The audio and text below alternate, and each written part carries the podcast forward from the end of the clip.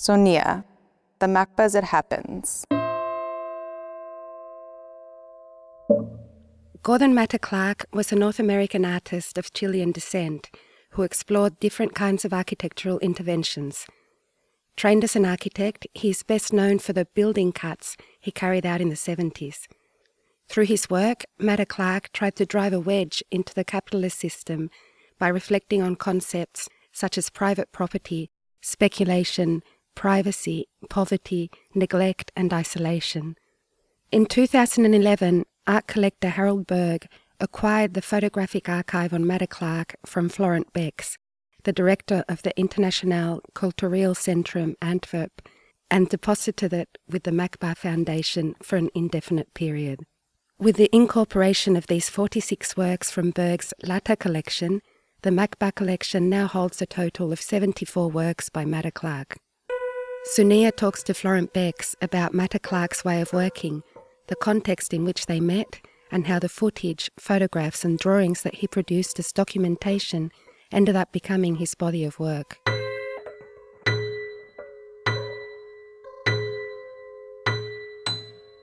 The art scene in Europe in the late 70s. I was quite well informed about what was happening internationally. First of all, the number of active artists internationally was quite limited. The number of active museums in contemporary art and contemporary art galleries was still controllable. There was a lot of correspondence, a lot of everybody was sending to everybody invitations, information, all this. And what was happening at the time is that quite some artists knew about the existence of the Art Center ICC and started to send me files and informations and photos of their work. But with Gordon it was different. I never heard about Gordon till the day that two collectors from Antwerp, which were diamond dealers, and they were traveling regularly between Antwerp and New York. And they knew quite well the New York art scene. And one day these two friends told me, we discovered a young interesting artist. You should learn to know his work and they gave me his address. Gordon Matta Clark. Uh, I took paper and I wrote a letter.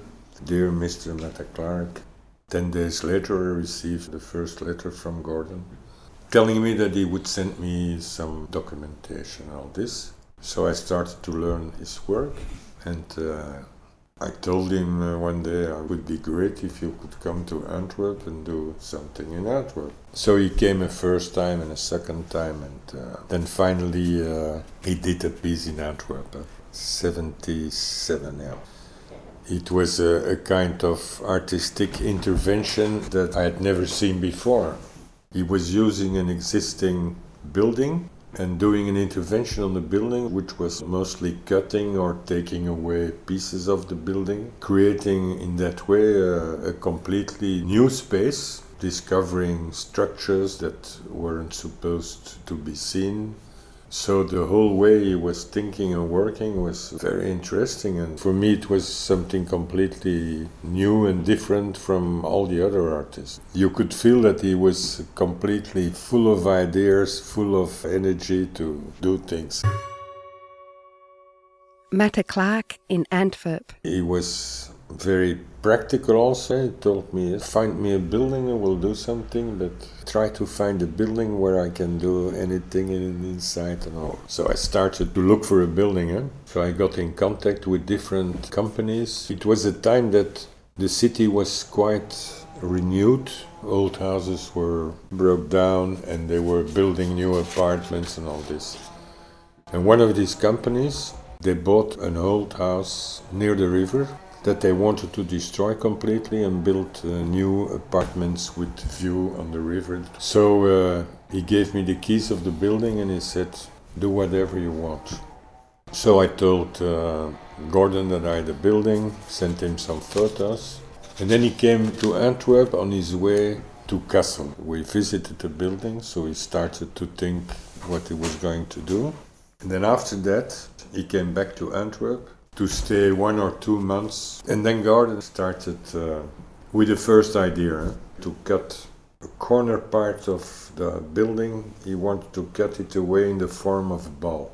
So, in fact, he was going to detach the whole corner of the building from the rest of the building. So I told him it's going to fall down. He said, "No, I'm an architect." Uh, he was trained as an architect. I'm sure it's going to work. But it was quite uh, dangerous looking at it. And I said, oh, "You're working on the street, so I have to ask permission to the city authorities because it's on, on the public space." So the city people laughed and said, What? Guy making holes in a building? No way, and it's too dangerous, and uh, you can't do it forbidden. Gordon was a little bit upset, but he understood the situation. I said, "Listen, Gordon, there's only only one solution. Let's work inside the building that nobody is seeing that we're working in the building. Eh? Close all the windows, and then you can do anything you want inside." And then he started to look for a new idea. It was not the first time he kept pieces of a building. Eh? It happened already before in the States that he cut out some pieces and kept them. I don't know his idea in Office Baroque in the beginning was to keep these cuttings, but while working there suddenly decided to keep them. And you see, we made holes in all these cutted pieces with uh, double pieces with the floor from the level he cut out, and the side under it was the plafond, was the ceiling of the room beneath, and uh, we made holes put in the hole a, a rope, and with that rope we could take out the pieces from the building. And he told me the whole idea was to make, of course, in the ICC an exhibition after finishing Office Baroque in the house, to show photos in the exhibition that he was making himself, and he wanted to exhibit also the cuttings in the exhibition. So they all went to the ICC.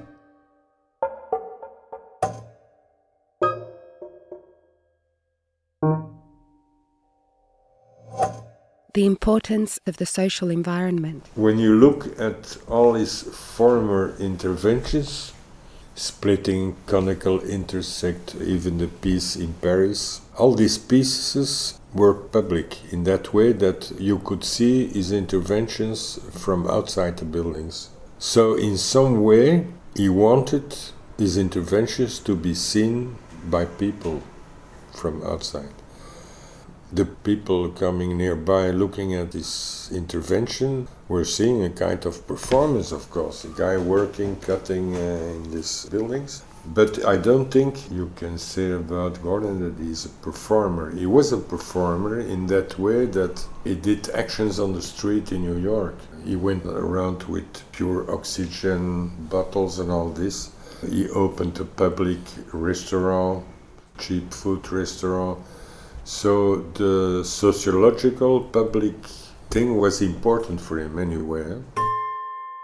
Subtraction was already existing in some way in the sculptural world. You're starting from a piece of marble, clay, and then the whole work is to taking away pieces of the material to reveal the final form that the artist wanted to create. But first of all, Gordon didn't work with classical materials like a sculpture or a painter or whatever. And as a trained architect, he was very interested in buildings, also how the buildings were situated in the social context. Not only the pure architectural form, but also he was very interested in the surroundings around the building what was their meaning in a sociological way and all this. In some ways, it's, it's a kind of sculpture, if you want, but it was the first guy I know taking away material from an existing object, a house, to create a new environment, to create a new view on the whole situation, discovering things that are not visible usually in a building. For the viewer, it's a complete new experience, the way he permitted us to look at a building. And then what's interesting for me is the activity of cutting went on with the photos. And I don't think a lot of people published about it, but when he was working on his photographs, he was using the negatives or the small ektachromes he was cutting into this photographic material before developing the photo. So that cutting activity went on. He made also several works with this cardboard and between foam. So he asked me to buy a lot of them and he made cuttings in it. He put different layers of this catapac, framed it, and then started to make a drawing and to make with the Stanley cutter to cut out the forms.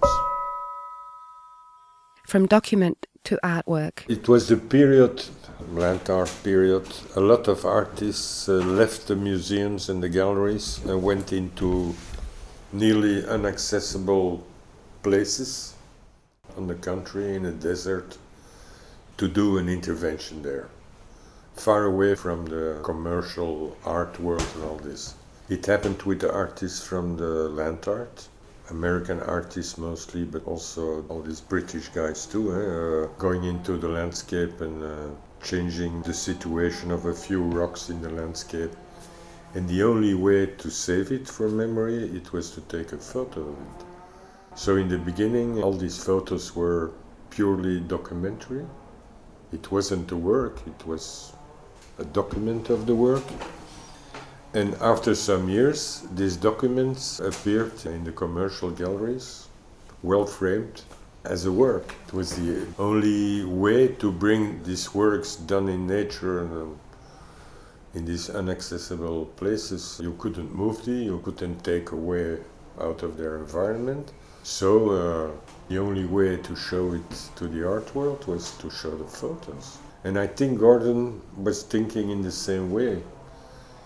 He knew that his works, his real works, were not going to survive because he mostly only received permission to interfere in a building when the building was supposed to be destroyed or so. So uh, the only way for him to keep the memory of his intervention in his work was to take a photo. It took some years before the art world accepted these photos as being more than a pure document. And now it's fully accepted this.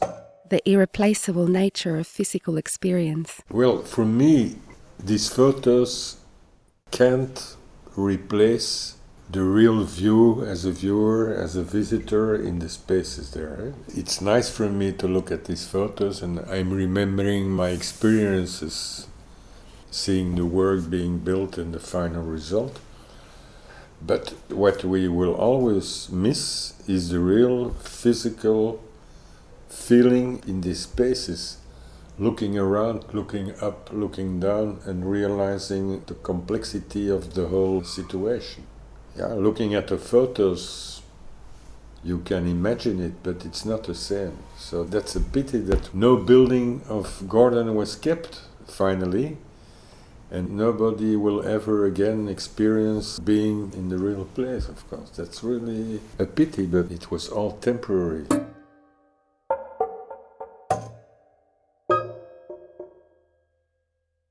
Expanding the idea of art. First of all, all his friends, artists from New York, which liked him very much. He had a lot of friends in New York. They all believed in him, of course. And then in Belgium, that's hard to say now. They were uh, quite surprised, of course, interested. I think they understood already at that time that it was not a common artist doing what he had been learned to do in academies, and so that he was uh, really renewing art in any way, extending the whole idea of what's art and so. When he started, art was still look very classical in some way. The generation before him in New York that were still uh, painters, sculptors. Some of them were using daily objects in pop art and all this. That was the renewing of pop art that they brought in, not classical materials, uh, promoting them to art and all this. That was already broadening the whole view on art.